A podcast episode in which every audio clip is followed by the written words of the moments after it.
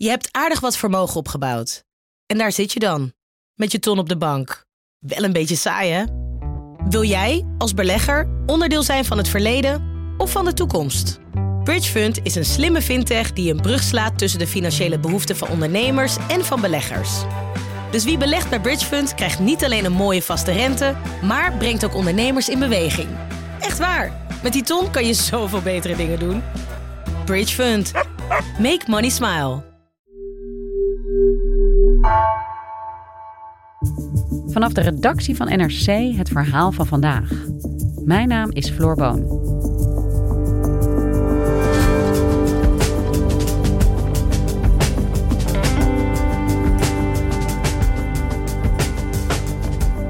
Inlichtingen zijn cruciaal in de oorlog in Oekraïne.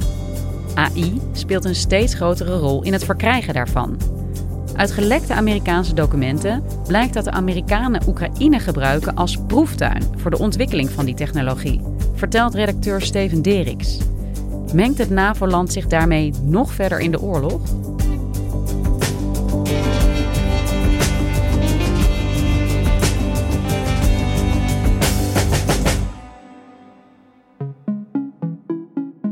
In april kwam een van de grootste lekken uit de geschiedenis van de Amerikaanse inlichtingendiensten aan de oppervlakte. Department of Justice has opened a criminal investigation into how Pentagon documents were leaked into several social media websites.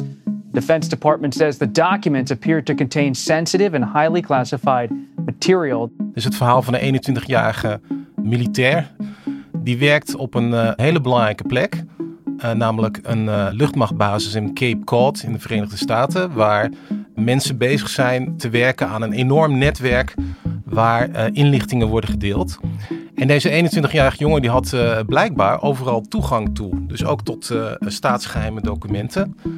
En die heeft op een gegeven moment stukken mee naar huis genomen. En die is die gaan delen eigenlijk alleen maar uit stoerdoenerij. In een zogeheten Discord groep. Dat is een soort van uh, platform waar je uh, kunt chatten. En daar praatte hij met anderen over de oorlog in Oekraïne. He shared several documents a week beginning late last year with a group of about two dozen people on Discord. Screenshots are circulating on Russian social media showing what looks like US and NATO documents about Ukrainian weapon systems and other intelligence. Die documenten zijn bekend komen te staan als de Pentagon leaks. An intelligence expert has said that these leaks are one of the four most significant leaks of this century. Iedereen over de hele wereld ging die dingen natuurlijk bestuderen. Wij ook. We moesten er natuurlijk in eerste instantie over schrijven. Maar op een gegeven moment zijn eh, collega Hanneke Chin en ik zijn er dieper ingedoken. Omdat we dachten, volgens mij kunnen we er meer uithalen. En toen zijn we eigenlijk heel goed gaan kijken wat er staat. En uh, wat je aan deze documenten kunt zien, is uh, dat de Amerikanen heel nauw betrokken zijn bij bombardementen van de Oekraïnse krijgsmacht op Russische doelen. En het interessante is, is als je daar verder induikt, is dat je erachter komt dat de Amerikanen AI ontwikkelen via de oorlog in Oekraïne. Ja, Steven, je zegt een van de grootste lekken uit de geschiedenis van de Amerikaanse inlichtingendiensten met allerlei geheime documenten. Hoe onderzoek je zoiets? Hoe lees je die documenten? Ja, dat is heel moeilijk uit te leggen uh, hoe je dat precies aanpakt. Het is toch een beetje trial and error. Dus je, ziet afkortingen, sommige die weet je, uh, sommige die ga je opzoeken op internet. Op een gegeven moment was het zo erg dat ik uh, me helemaal had begraven in Amerikaanse militaire doctrines. Die uh, op de een of andere manier openbaar zijn. En waar je dus allerlei termen terug kan vinden. Maar we, hebben één uh, uitgeprint voor, deze, voor deze uitzending. Dus Floor, als je kijkt, dan zie je daar staan BDA from Recent Strike. En BDA staat voor Battle Damage Assessment of Bomb Damage Assessment. En dat is, als je daarin verdiept, dat is een standaard proces na een aanval waarin je eigenlijk kijkt of het doel wel vernietigd is. Dus wat we hier voor ons zien is uh, eigenlijk een analyse van een Oekraïnse luchtaanval op 15 februari. Op een C2-node zie je daar staan. En dat betekent, C2 staat voor Command and Control. Dus dat is een uh, commandopost van het Russische leger. En wat je ziet zijn beelden van voor de aanval en beelden van na de aanval. En daarna staat er ook een uitleg bij. En dan staat er... Um, een overall assessment, dus een inschatting van wat de schade is. En dan staat er confirmed severe damage. En het interessante van deze BDA's is, daar volgt meteen een conclusie uit. Namelijk, als de Amerikanen de schade opmeten van een Oekraïnse aanval, dan zijn ze er misschien ook wel bij betrokken. En als je die documenten bestudeert, dan vind je steeds meer aanwijzingen ervoor. een hele belangrijke aanwijzing ziet daar rechtsboven. En daar staat US produced, US mensurated target. En wat betekent mensurated? To mensurate betekent opmeten. En dan gaat het eigenlijk om het vinden van de exacte coördinaten van het doel. En dat is zeg maar het richtpunt waar de bom op moet vallen. Ja, we weten dat de VS wapens leveren aan Oekraïne, heel veel zelfs. Dat ze ook nauw betrokken zijn. Maar dit zou eigenlijk betekenen dat ze nog een behoorlijke grote stap verder gaan dan dat. Jazeker. Uh, Amerikanen maken er geen geheim van dat er enorm veel inlichtingen worden gedeeld met Oekraïne. Amerikanen hebben ook enorm veel middelen om dat te doen. Hè. Denk maar aan uh, spionagevliegtuigen en spionagesatellieten. Dus als er één land is dat Oekraïne kan helpen te vertellen waar de Russen zitten, dan is dat de VS. Daar maakten ze nooit echt een geheim van. Wat veel gevoeliger ligt, is dat ze ook helpen bij het vinden van doelwitten en echt doelwitten aanwijzen voor de Oekraïners. Daar is eerder wel over gepubliceerd in Amerikaanse media. En dan geeft het Pentagon meestal een beetje een vaag antwoord van... Uh, ja, we maken er geen geheim van dat we Oekraïne helpen. Maar ja, dit geeft nieuwe aanwijzingen voor die hulp. Dus je kunt aan deze documenten... vind je meer details over hoe dat in zijn werk gaat. En zijn de VS dan eigenlijk nog veel meer betrokken bij dit conflict... dan ze eigenlijk toegeven naar de buitenwereld? Is dat wat je zegt? Nou ja, het, het gekke is dus dat ze aan de ene kant wel zeggen dat ze heel veel inlichtingen leveren. En dat is natuurlijk een onderdeel eigenlijk van de oorlogvoering. In dat opzicht is het niet echt geheim. Maar als het dan echt gaat om de details, dan willen ze daar niet zoveel over kwijt. Want ja, hoe je het went of keert, het maakt de kans op een confrontatie met Rusland natuurlijk groter. Ja, want dat is altijd het verhaal. Hè? De VS en de NAVO die willen uiteindelijk geen directe confrontatie met Moskou. Ze willen zich niet actief mengen in dat conflict. Maar tegelijkertijd zitten ze dus veel dieper erin dan ze misschien wel toegeven. Waarom doen ze dat? Nou, een heel uh, interessant aspect daaraan is, is dat uh, de oorlog in Oekraïne ook een proeftuin is voor nieuwe technologie. En de belangrijkste doorbraak die op dit moment plaatsvindt, is het gebruik van kunstmatige intelligentie of AI. Ja, kunstmatige intelligentie, AI. Hoe ziet dat eruit in oorlogsvoering? Ja, AI rukt natuurlijk overal op, eh, in alle sectoren van de samenleving, maar het wordt ook uh, militair ingezet. En denk aan kunstmatige intelligentie en oorlogvoering, dan denken we aan uh, autonome wapens, zeg maar killer robots, vliegtuigen die zichzelf besturen. Zover is het nog niet echt, maar waar AI wel voor wordt gebruikt is in het inlichtingenproces. En dat is ook heel belangrijk, want tegenwoordig zijn de manieren om inlichting te verzamelen zijn spectaculair gegroeid. Denk maar aan alle drones die worden ingezet. Denk aan spionagevliegtuigen met radars, infraroodsensoren, noem maar op. Dus de hoeveelheid data die binnenkomt bij zo'n militaire inlichtingeneenheid is uh, ontzettend gegroeid. En dat is eigenlijk niet meer door mensen te behappen. Maar de computer kan het wel. Dus als je een algoritme inzet, dan kan je heel snel heel veel beelden met elkaar vergelijken en dan bijvoorbeeld de verschillen zien. Uh, die ontwikkeling van AI uh, wordt door de VS ontzettend belangrijk gevonden. Er zijn ook militaire experts die dit een nieuwe militaire revolutie noemen. Dus na de uitvinding van het buskruid en de uitvinding van de atoombom zou AI een nieuwe militaire revolutie kunnen inluiden. En waarom zeggen ze dat? dat zeggen ze omdat AI allerlei processen in de oorlogvoering enorm kan verkorten. Dus vroeger duurde het heel lang voordat je beelden had geanalyseerd vervolgens had gezegd: hey, dit is een doel. En vervolgens een aanval kon plannen op dat doel. Dat noemen ze eh, met een uh, mooi woord de kill chain. Dus uh, vanaf het moment dat je een satelliet een foto maakt, tot het moment dat een vliegtuig daar een bom op gooit. Met AI kan dat proces enorm worden versneld. En de Amerikanen zijn daar ook heel druk mee bezig. En die hebben het over dat dat met machine speed moet kunnen. Dus zo snel als het systeem het toelaat. En dan hebben we het echt over seconden of misschien enkele minuten. En dat geeft een enorm voordeel op het slagveld. Dus je moet je voorstellen dat als jij gewoon veel sneller weet waar het doel is en dat kan aanvallen dan de tegenstander, dan ga je natuurlijk altijd winnen.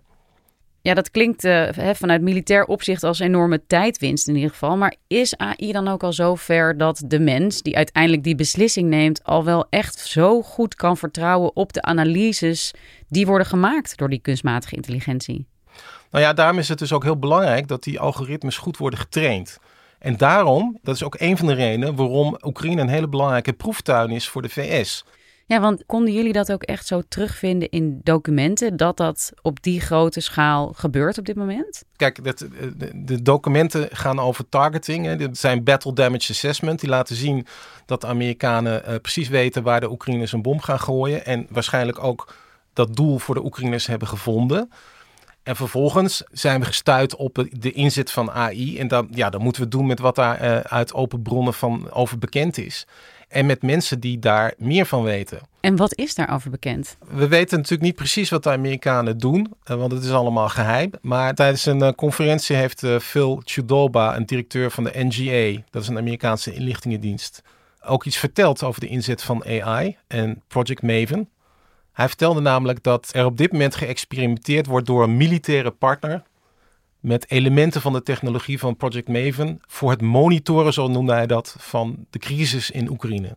And there is opportunity down there as well, uh, you know, for potential partners to showcase technologies. But we're operationalizing it in that space through experimentation with a military partner who, in fact, took some of these technologies to Europe uh, under the banner of um, our monitoring of the Ukraine crisis. Heel interessant is bijvoorbeeld dat de Oekraïnse president Zelensky uh, vorig jaar de CEO van een uh, Amerikaans softwarebedrijf ontving. Dus de CEO heet Alex Karp en het bedrijf heet Palantir. En Palantir is gespecialiseerd in het analyseren van enorme hoeveelheden data, big data, met behulp van AI. En er zijn allerlei bedrijven die dat gebruiken, bijvoorbeeld om de logistiek te ordenen. Banken gebruiken het om uh, in een enorme hoeveelheid transacties uh, fraude op te sporen.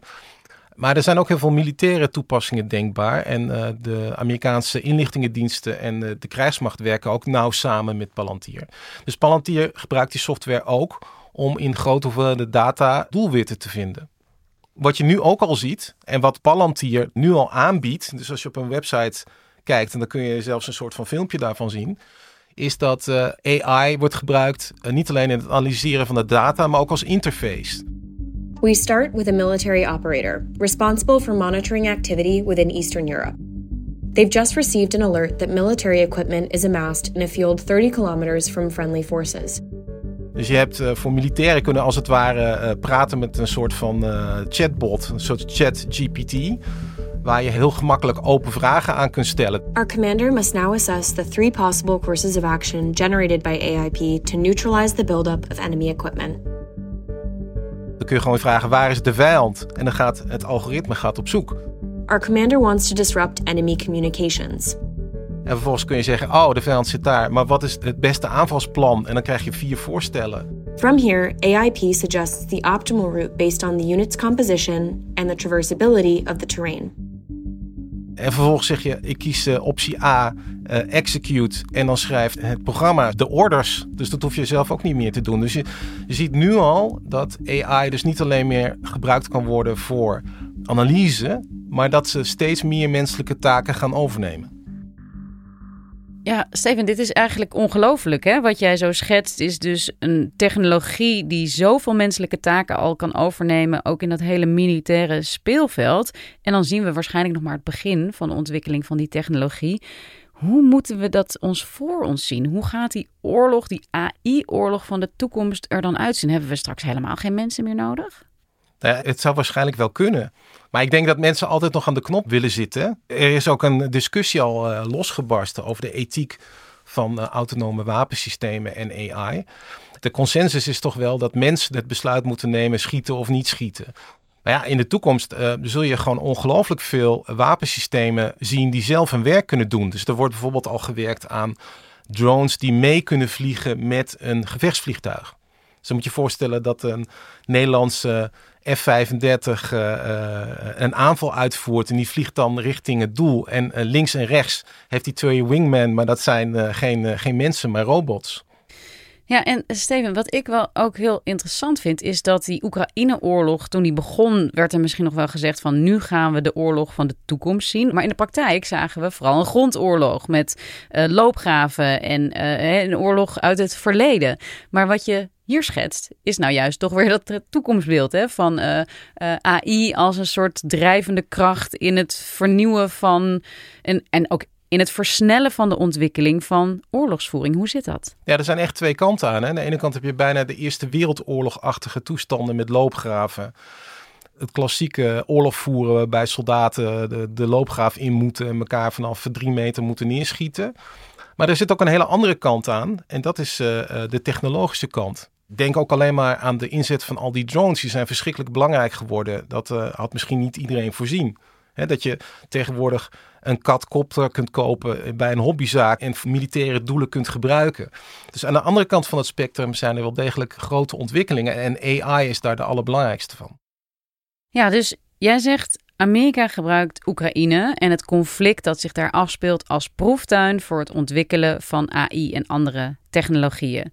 Um, tegelijkertijd horen we NAVO-landen voortdurend zeggen en benadrukken dat ze uiteindelijk niet echt betrokken willen raken in die oorlog. Maar als je het zo schetst, dan is de VS zo nauw betrokken dat die grens wel heel erg uh, vaag wordt. Um, wat betekent dit voor de manier waarop de NAVO deelneemt aan deze oorlog? Ja, de NAVO neemt niet deel aan de oorlog. Maar er is wel een soort van grijs gebied. Dat is natuurlijk zo. Je gaat natuurlijk al een grens over als je wapens levert. Je gaat ook een grens over als je Oekraïnse militairen gaat trainen. Wat op grote schaal gebeurt. Ja, dit is misschien net een stapje verder. Kijk, de Pentagon uh, benadrukt dat het Oekraïners zijn die beslissen welk doel wordt aangevallen. En dat het Oekraïners zijn die dat ook doen. Dus het is niet zo dat de Amerikanen zeggen: dit moet je doen. Dus de Oekraïners varen hun eigen koers. Dus die voeren de oorlog. Maar op de achtergrond staat natuurlijk de VS. En hoe zit het met andere Europese NAVO-landen? Doen die hetzelfde in Oekraïne? Zeker. De NAVO vindt het heel belangrijk om niet betrokken te raken. Dus er gebeurt helemaal niets in NAVO-verband. Er zijn dus ook geen NAVO-wapenleveranties. Maar er zijn Europese landen doen wel degelijk eh, mee. Uh, er zijn ook Europese landen die inlichtingen leveren aan Oekraïne. En uit de Pentagon leaks blijkt bijvoorbeeld dat er ook uh, Britse spionagevliegtuigen boven de Zwarte Zee vliegen. En de Fransen doen het ook. En die inlichtingen gaan waarschijnlijk naar Oekraïne. En tot slot, Steven, hoe reageert Rusland hierop? Want dat wij het nu weten, betekent niet dat Rusland het niet al lang wist natuurlijk. Dus die grenzen vervagen. Ja, komt er een rode lijn in zicht of is dat van allebei de kanten gewoon zoeken en aftasten waar de echte harde grens ligt? Ja, daar hebben we het al heel vaak over gehad. Hè? In andere podcasts, als we de oorlog bespraken, is er een rode lijn. In die Pentagon League zie je trouwens, die Russische irritatie zie je terug. Er is een briefing over verkenningsvluchten over de Zwarte Zee. En daarin zie je dat in de afgelopen maanden er uh, voortdurend allerlei incidenten zijn met Russische gevechtsvliegtuigen. Hoewel die spionagevliegtuigen die vliegen in internationaal luchtruim. Dus die mogen daar gewoon vliegen. Maar die krijgen de hele tijd bezoek van Russische gevechtsvliegtuigen. En in één geval heeft dat bijna geleid tot het neerschieten van een Brits vliegtuig. Dus een Russische piloot dacht dat hij mocht schieten, die drukte op de knop, maar de raket deed het niet. Dus we waren eigenlijk al heel dichtbij een directe confrontatie. Als je de Russische staatstelevisie kijkt, hè, dus de Russische propaganda bekijkt, daar wordt al iedere dag wordt de Russische televisiekijker wordt al verteld dat Rusland in feite in oorlog is met de NAVO. Daarom gaat de oorlog ook zo slecht, zeggen ze. Kijk, want we moeten het opnemen tegen het machtigste bondgenootschap op aarde. Dat wil niet zeggen dat uh, Poetin daar uh, consequenties aan verbindt. Maar goed, ja, uh, de Russen weten heel goed dat achter Oekraïne een heleboel westerse landen staan.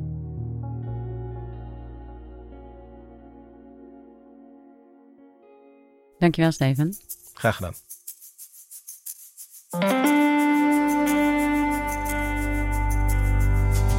Je luisterde naar vandaag, een podcast van NRC. Eén verhaal, elke dag. Deze aflevering werd gemaakt door Iris Verhulsdonk, Mille-Marie Bleeksma, Dirk Hooyer en Marco Raaphorst. Coördinatie Nina van Hattem. Dit was vandaag, maandag weer.